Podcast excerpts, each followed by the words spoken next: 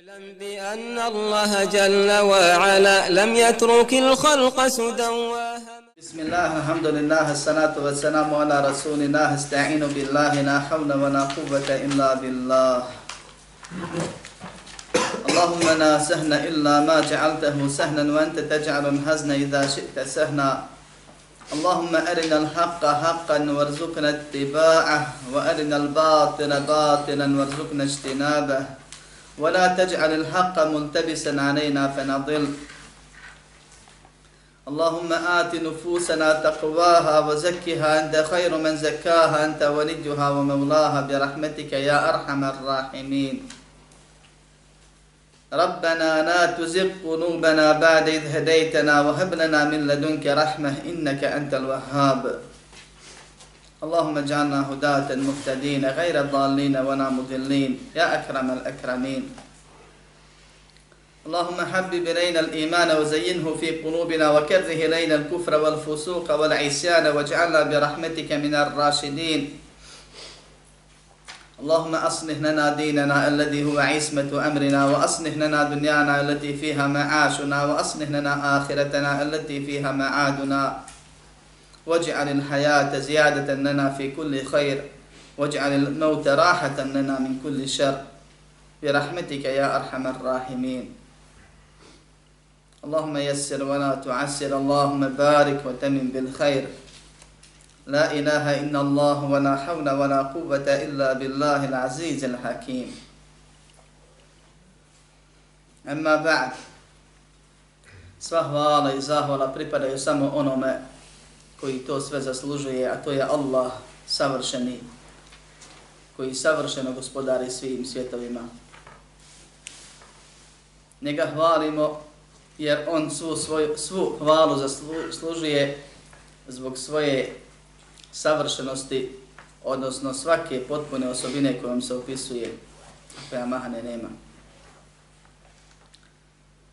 Samo Allah subhanahu wa ta'ala na svemu što nas zadesi i što oko sebe vidimo, što volimo i ne volimo, zahvalu zaslužuje, jer samo on je nepogrešiv, a sve što nam zabranjuje ili dozvoljava, on i svoje savršenosti to propisuje i sve što se biva i kreće, što se dešava u nama, kod nas i oko nas, to je djelovanje savršenog, nepogrešivog i zato vjernik, kad ga zadesi dobro, kaže Alhamdulillah, a kad ga zadesi musibet, kaže Alhamdulillah ala kulli hal.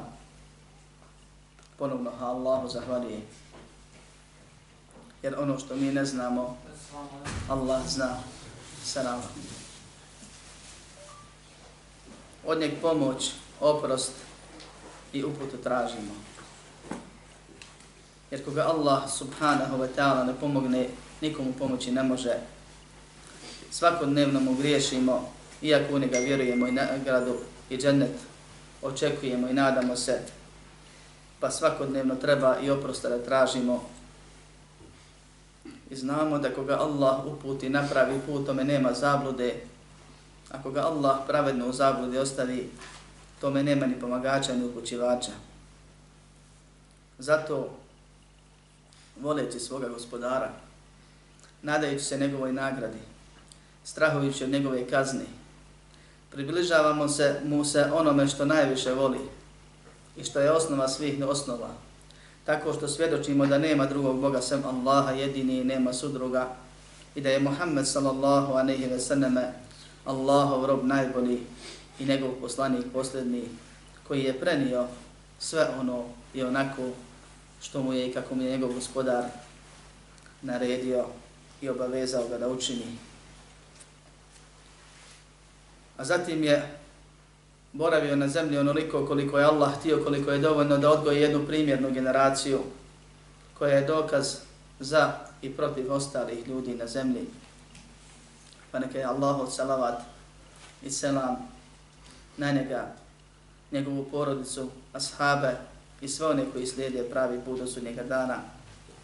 A zatim nastavljamo sa govorom o Allahovim subhanahu wa ta'ala imenima i osobinama komentarujući ajete koje je šeheh kao primjera spomenuo. Šeheh je ovu knjigu nabrzim napisao, nije se spremao, nije je pripremao kao što mi pripremamo djela. nego mu je došao čovjek za molio ga, pa mu je on sjeo i napisao osnovne stvari. I zato se desi nekad neobičan raspored, jer nije ciljan.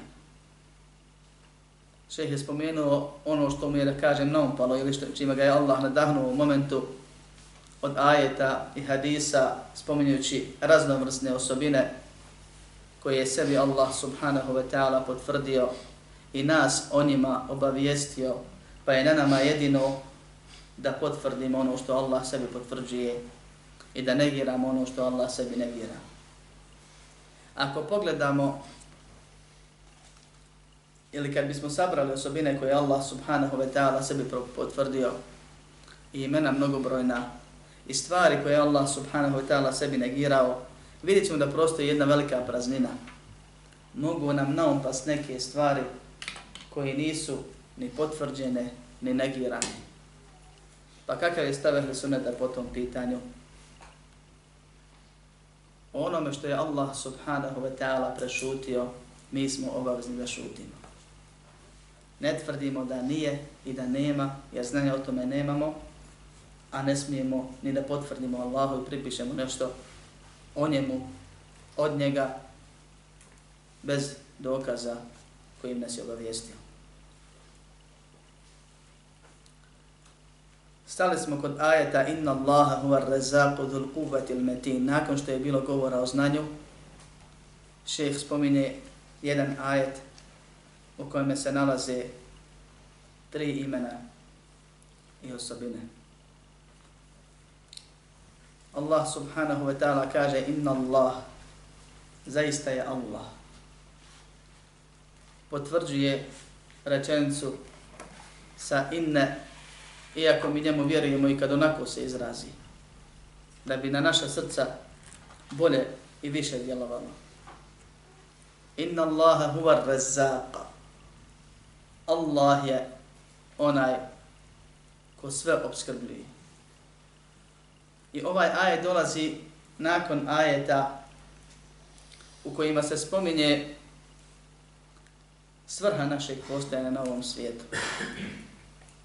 Pa kaže gospodar svih svjetova وَمَا خَنَقْتُ الْجِنَّ وَالْإِنْسَ إِلَّا لِيَعْبُدُونَ Nisam stvorio džine ni ljude ni zbog čega drugog osim da samo mene obožavaju. Ma uridu minhum min rizq, wa ma uridu an yut'imun. Ne tražim od njih ni da me obskrbljuju, ni da me hrani. Inna Allaha huwa razzaq. Allah je onaj koji sve obskrbljuje. Dhul quwwati al-matin. Jaki i snažni. Najkraće prevedeno. U jednom drugom ajetu Allah subhanahu wa ta'ala se obraća poslaniku sallallahu alaihi wa sallam i kaže وَأْمُرْ أَهْلَكَ بِالصَّنَاتِ وَاسْتَبِرْ عَلَيْهَا Naređuj svojoj porodici namaz i ustraj na tome. Na namazu. La nes'eluke rizqan nahnu nerzuluk. Mi od tebe ne tražimo rizq na faku, obskrbu. Mi ćemo te obskrbiti. Ne brini za faku. Doći će ti. Wal aqibetu li taqwa. Ali je kraj se postiže bogobojaznošću. Onaj krajni pozitivni rezultat, a to je ulazak u džennet i spas od svakog belaja i straha, karta za džennet je bogobojaznost. Kaže Allahu poslanik sallallahu a ve selleme nafaka traži čovjeka kao što ga traži smrt. Allah subhanahu wa ta'ala sebe naziva ar-rezakom. Razak je superlativ od obskrbitelja. Zatim kaže el, što ima za cilj ili značin u arabskom jeziku sveobuhvatnosti. Pa je Allah ar-razak, onaj koji sve mnogo obskrbljuje. A rizk, obskrba ili nafaka, je ono što čovjeku treba da bi pravilno živio. I preživio od halala i haram, ili haram. Tako se definiše. To jest može se na halal ili na haram način postići, nešto od nafake. A neka se ne može nikako postići nego dolazi od onoga koji je daje. Kad poslušate ovo što sam malo prije rekao, pomislite da ima nafaka koju čovjek postigne bez da Allah je daje. Je li tako ili ne? A nisam se pogrešno izrazio. Koliko traje život čovjeka? Vječno. Ne 50, ni 60, nego za uvijek. Stvoreni smo za vječnost koju će Allah održavati. A nismo dugovječni. Živjet će ljudi vječno ili u džennetu ili u džahennemu. Nafaka nam treba vječno. Nafaka je ono što treba čovjeku da živi, a ne lešu, a ne tijelo, a ne samo duši. A čovjek je sastavljen iz više komponenti. Najbitnije su duša i tijelo. Pa je nafaka hrana i gorivo od pića i drugih stvari koje trebaju duši i tijelo. Nije nafaka samo jesti, piti i imati sredstva za to ostvariti, tako dalje. Uputa je najbolji i najveći segment na faki. Jer dobra nafaka je ono što ti dugo traje, tako ili ne? Znači da imaš milijarde, to možeš potrošiti na jelo, piće i kupovinu onih stvari koji ti trebaju. Zašto? Za kratki dunjalički život. A kad, trebaš, kad imaš uputu, onda ti ona koristi za vječni ahiretski život u džennetu. Pa je to najveća nafaka. I najbolja obskrba. I ona se postiže željom za uputom. Jer je za uputu potrebno dvoje. Da tražiš pravi put, pa će te Allah uputiti, neće ti želom učiniti. I dovom Allahu uzvišenom i koga Allah uputi na pravi put, tome nema zabude. I čuvanjem te upute tako što će se nastojati u životu da što više izvršava se naređenog, a kloni se zabranjenog. I zato Allah subhanahu wa ta'ala kad govori o hađu i teškom životnom putovanju da se upotpuni islam, gdje su ljudi znali odlaziti, često se ne vraćati kući nikad i selamiti se sa svima, zato što se mnogi ne vrate daleko opasnosti milion nailazili kad idu tamo, kaže wa tazawwadu fa inna khayra zadi taqwa. Onim što vam je potrebno za put obskrbite se. A najbolja obskrba je bogobojaznost. Jer mi smo putnici od momenta kad je Allah duše naše stvorio prije nego smo se pojavili na ovom svijetu pa dok ne završimo u, u Allahovom džennetu ili ne do Allahom džennetu to je krajna stanica. Zatim sve ono ostalo što treba čovjeku da živi i preživi od hrane, pića i ostalih potreba i sredstava kojima se ostvaruju te potrebe, to je nafaka.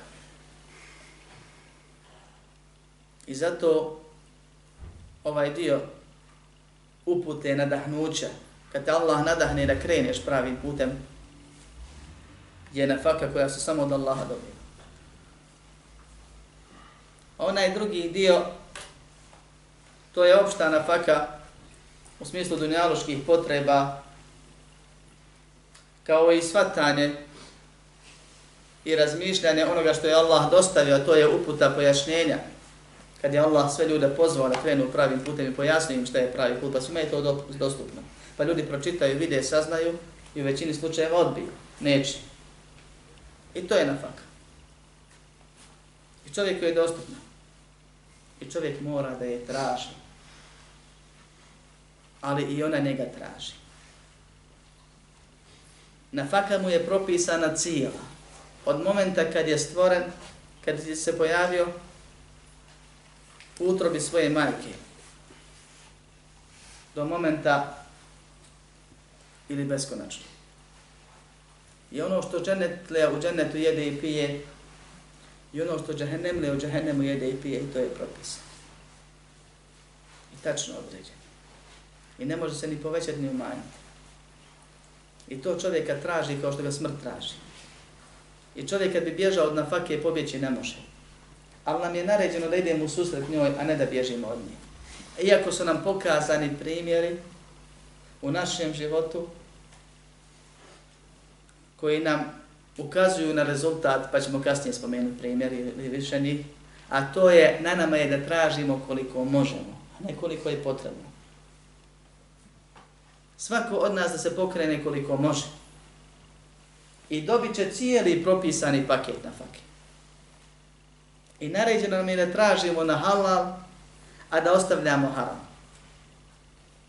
I ako uzmemo na haram način, uzeli smo od svog halala. Da smo se suzdržali na neki od mog propisanih načina, bismo dobili isto ono koliko smo otuđili na haram način.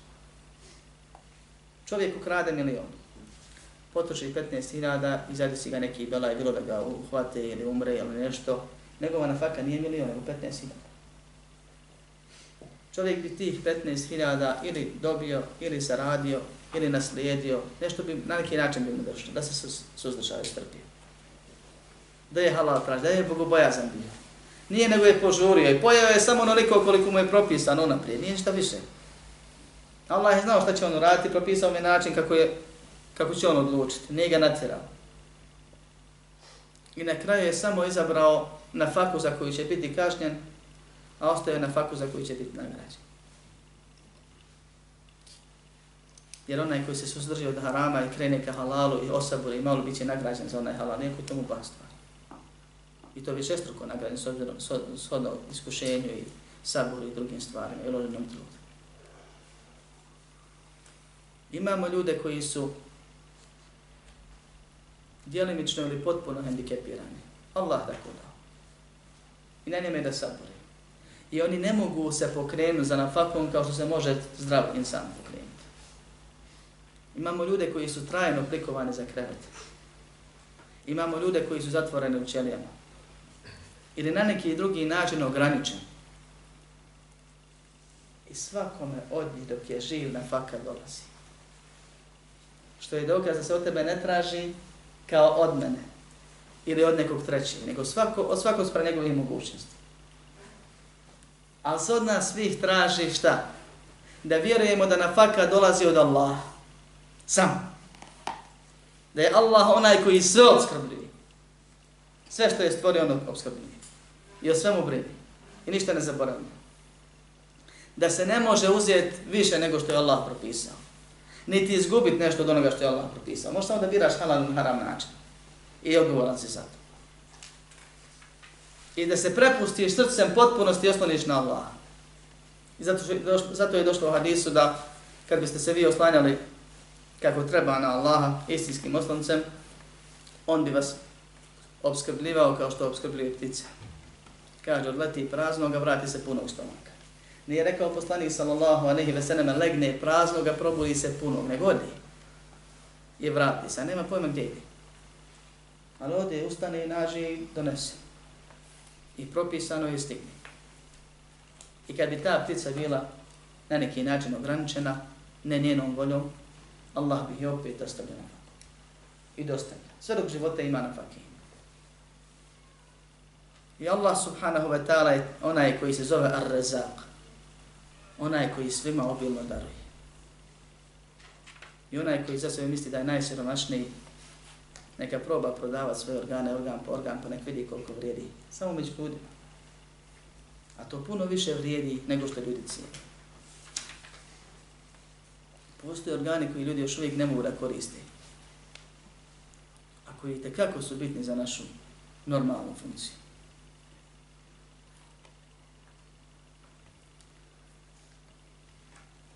Najbogatiji smo.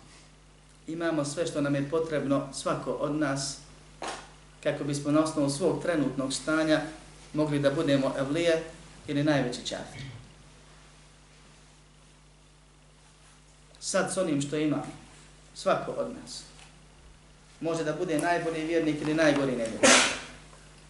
I sutra kad ti Allah promijeni stanje, neću reći nabolji ili nagore, to je naši moći, da ti da više ili manje. A nekad je više za tebe gore, a manje bolje. I obratno. Opet ćeš biti u stanju da trenutnim svojim stanjem budeš ili evlija najbolji vjernik ili najgori džehnemlija. I zato se nema razloga čovjek žalit, tugovat.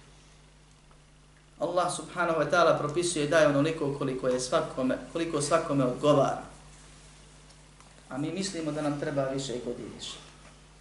I zato se javlja nezadovoljstvo.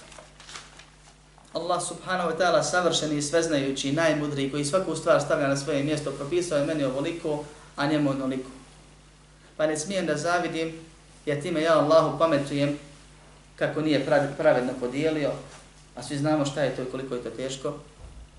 Ne smijem da se žalim ako je meni manje, ni da se nešto oholim, uzdižem ako imam više od onog drugog. Jer ono što ja imam je dovoljno da mi bude iskušenje koje ako položim idem u džennet, ako propadnem idem u džennet. I od upute i korisnog znanja isto tako. A najbolja nafaka je korisno znanje. Jer je ona osnova upute. Ne možeš raditi ako ne znaš. Nik jedan ibadet koji se od nas traži ne možeš izvršiti ako ga ne znaš. I u tome isto Allah podijelio na faku svakome koliko je dovoljno da položi pa uspije i da bude iskušenje na kojem padne pa propašten bude.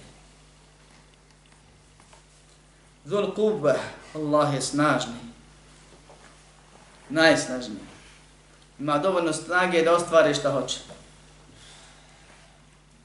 El metin, žestoki.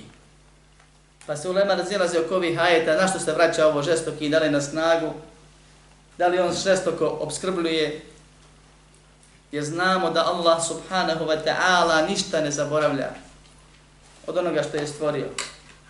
Pogledaš gore, pogledaš dole, pogledaš lijevo ili desno, vidiš raznovrstna stvorenja. Allah svakom od njih ponaosob na faku propisao i dostavlja je svakog momenta. Dok se ne rastvori potpunost, ako je pitanje hrane ili piće.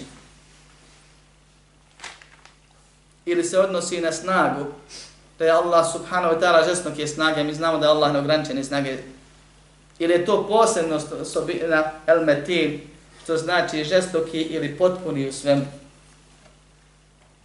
Jer Allahove subhanahu wa ta'ala osobine su u svakom smislu potpune, neograničene. Bez mahane. Nema može do ovdje, a poslije ne može. Znao ovoliko, a nešto poslije ne zna i tako dalje. Nego svaka osobina koja je spomenuta i one koje nam nisu spomenute Allah subhanahu wa ta'ala ima su potpune. I ovo su tri Allahova, dva Allahova imena i jedna osobina. Al-Qavid je njegovo ime, ali ovdje ga ne spominje, ovdje samo spominje osobinu. Ar-Razaq i Al-Matin. I razilazi se u da li ovo Al-Matin spada ono 99 Allahovih imena ili ne spada. S obzirom da znamo da Allah ima puno više imena od 99, to smo već radili, ali ima 99 posebnih koje kad saberu nauče, primjene, u skladu s tim žive oni koji to rade i trude se ući će u džennet kao što došlo u hadisu.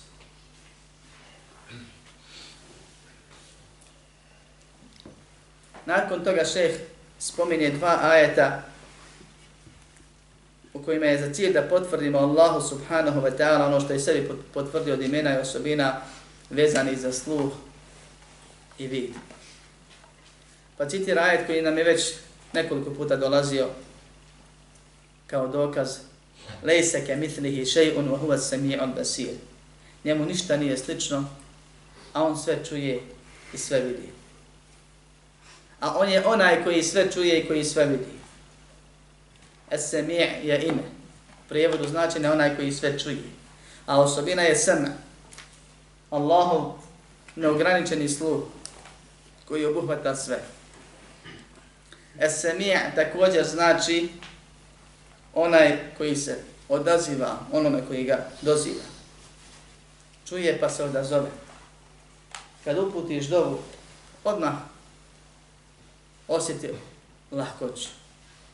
On te nadahnuo da mu doviš, a mogao je učin da zaboraviš, da se nečim drugom zabaviš, i on te je čuo. I sačekaj, i nastavi dobiti. I živi svoj život i prepusti se Allahu subhanahu wa ta'ala. I ako valja ono što tražiš doći će. Ako ne valja, nagrad će doći. Allah zna da li to valja za nas ili ne valja. Da li je to dobro, a mi mislimo da jesme pa tražimo od gospodara, ili pak za nas nije dobro, makar za nekoga drugoga bilo dobro. Allah kaže, lejse ke mitlihi še, njemu ništa nije slično. Iz jednog prostog razloga, samo to što je samo on subhanahu savršen. A sve drugo je meni. Pa i ono što ima od osobina koje ima isto označenje, isti naziv, među stvorenjima, između stvorenja i stvoritelja, to nije ni slično. U suštini kad hoće. Čovjek čuje, Allah čuje. Allah je potpun, čovjek je nepotpuno ograničen i u svakom smislu. Čovjek čuje ograničeno, Allah čuje sve neograničeno. Čovjek čuje vapaj u pomoć pa slegne ramenima jer ne može se odazvati. Allah čuje dovu i može se odazvati pa ili hoće ili neće.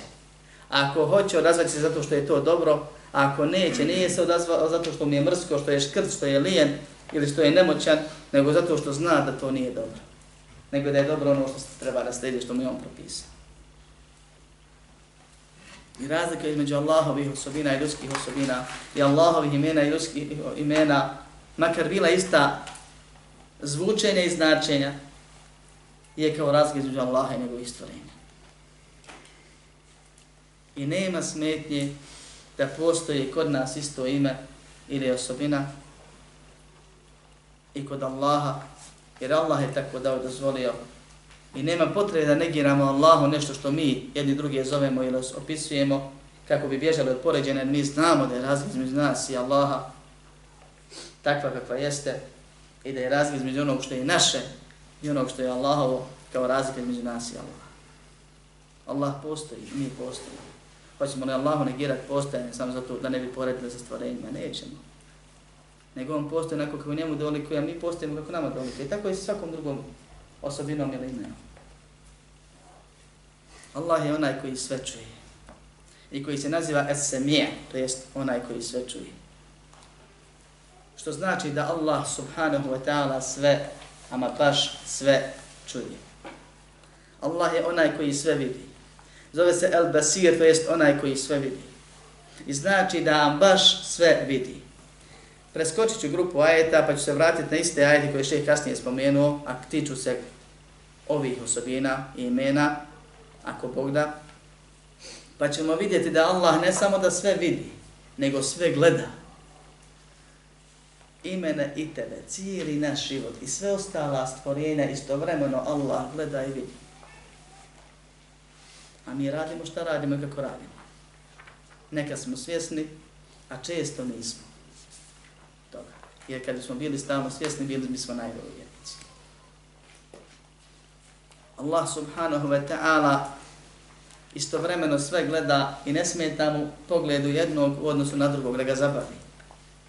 I Allah subhanahu wa ta'ala sve čuje.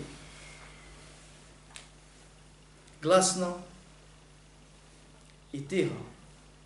I ono što nam srce govori kad razmišljamo. Kad se svađamo, kad ga veličamo, kad hajr govorimo, kad griješimo jezicima, kad ga dozivamo, kad jedni druge dozivamo, Allah subhanahu wa ta'ala sve čuje i njemu je sve jednako. To jest čuje i ono najtiše kao i ono najglasnije jednako ne smetamo, ne treba ko nama da načulimo uši da čujemo nešto bolje, jer nam je malo tiše, slabije. Jer je naš sluh ograničen, gdje kako. I Allah sve vidi istovremeno. I Allah kad kaže da čuje i kad nam se predstavi kao onaj koji sve čuje, Allah subhanahu wa ta'ala od nas hoće neke koristi od tog znanja. Prva je da ga veličamo, kao i svaka druga osobina da se zamislimo kako je to, ne možemo predstaviti sebi, ne možemo zamisliti, samo da pokušamo. Šta znači, ama baš sve čut i sve vidjet i u sve gledat i sve kontrolisat i sve obskrbit i sve što treba pomoć, pomoć, što treba odmoć, odmoć i tako dalje i tako dalje. Pa samo staneš, zakuješ i kažeš subhanallah. Allahu akbar. Druga korist je da ga se bojimo. Isto kao i znanje koje smo govorili prošli ders. Allah čuje.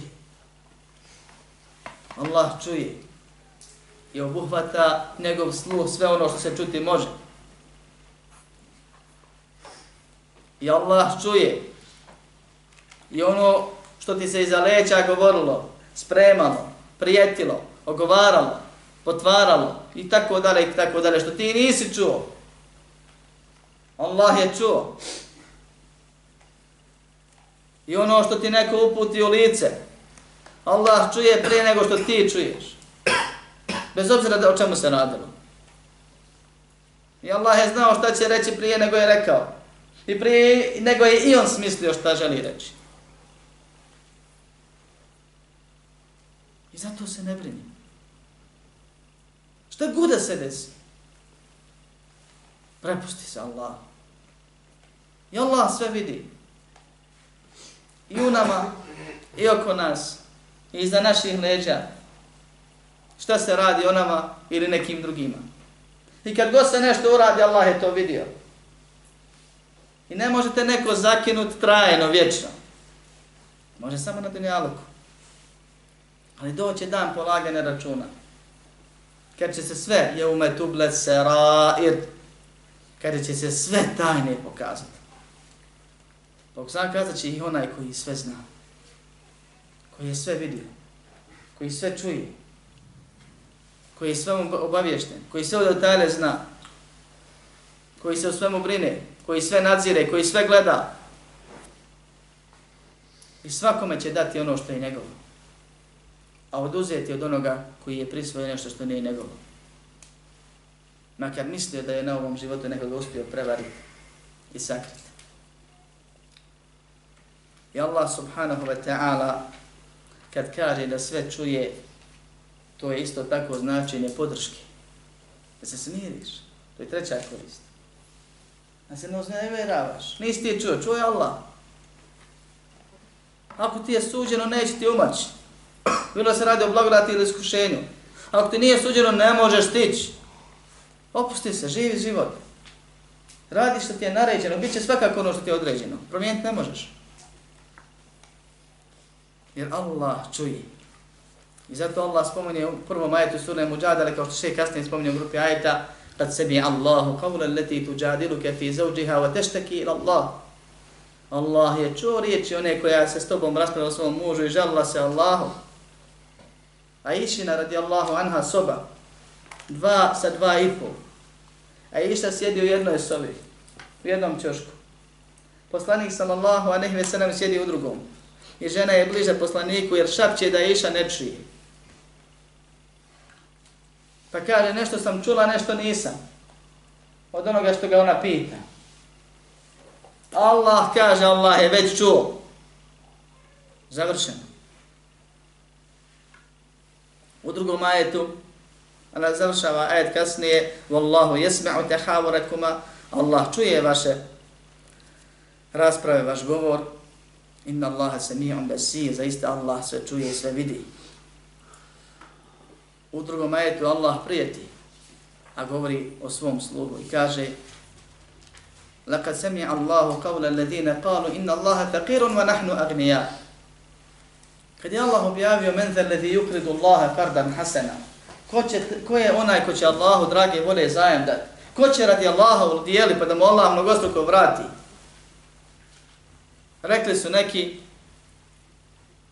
Allah je fukara, traži od nas da mu pozajmi. Na uzubu. Pa Allah objavljuje i kaže Allah je čuo one koji kažu Allah je fukara, mi smo bogati. Allah je siromašan, mi smo bogati. Allah je fakir, fukara, kod nas to kaže. Od iste riječi. Tako su nazvali gospodara svjetova. Se nektu buma kao, zapisat ćemo ono što smo rekli.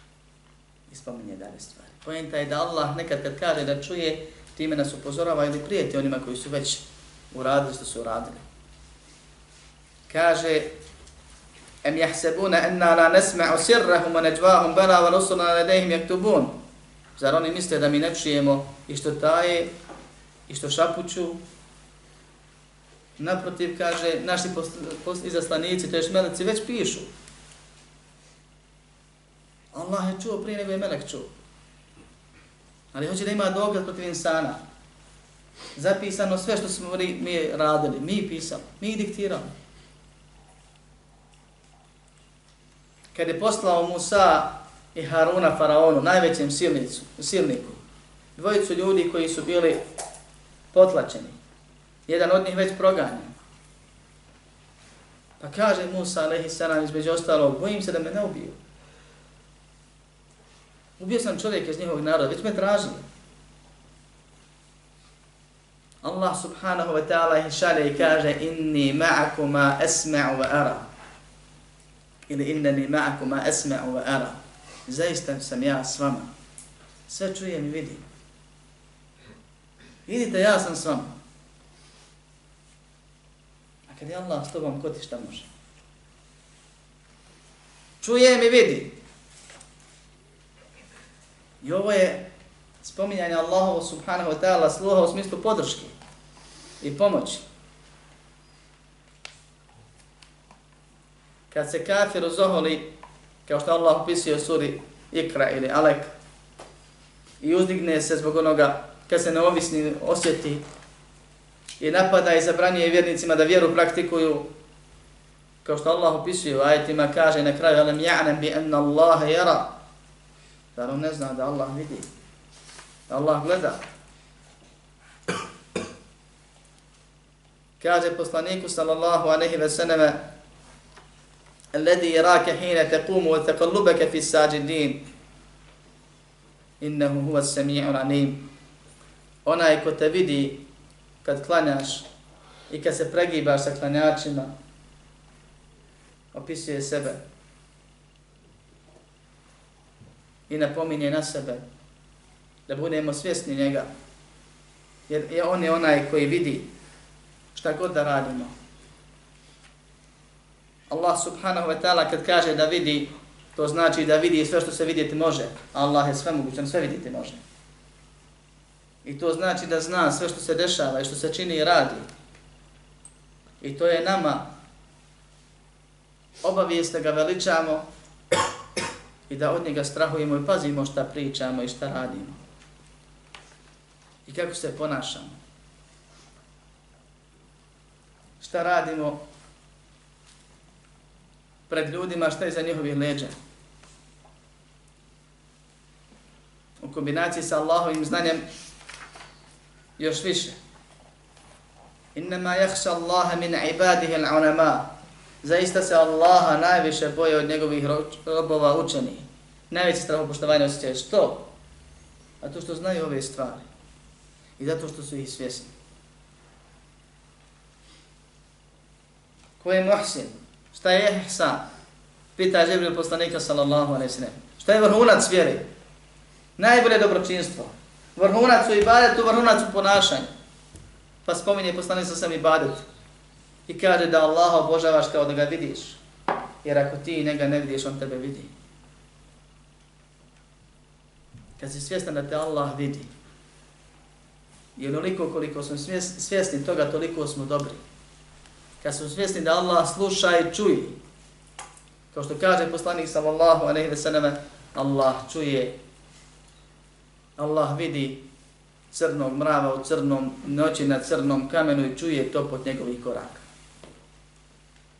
i zna ono što se dešava. I Allah vidi i gleda kako se hrana koju je taj mrav uzeo, koja mu je propisana je Allah rezak, ona je rezk od Allaha.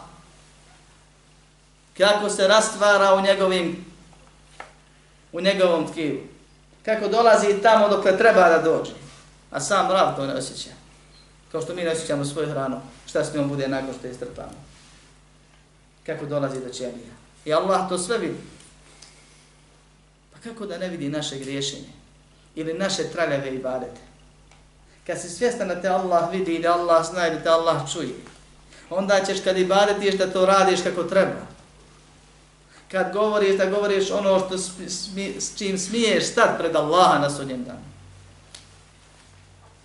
I kad pođeš da uradiš grije, onda ćeš da budeš traljav i smotan i da to ne radiš.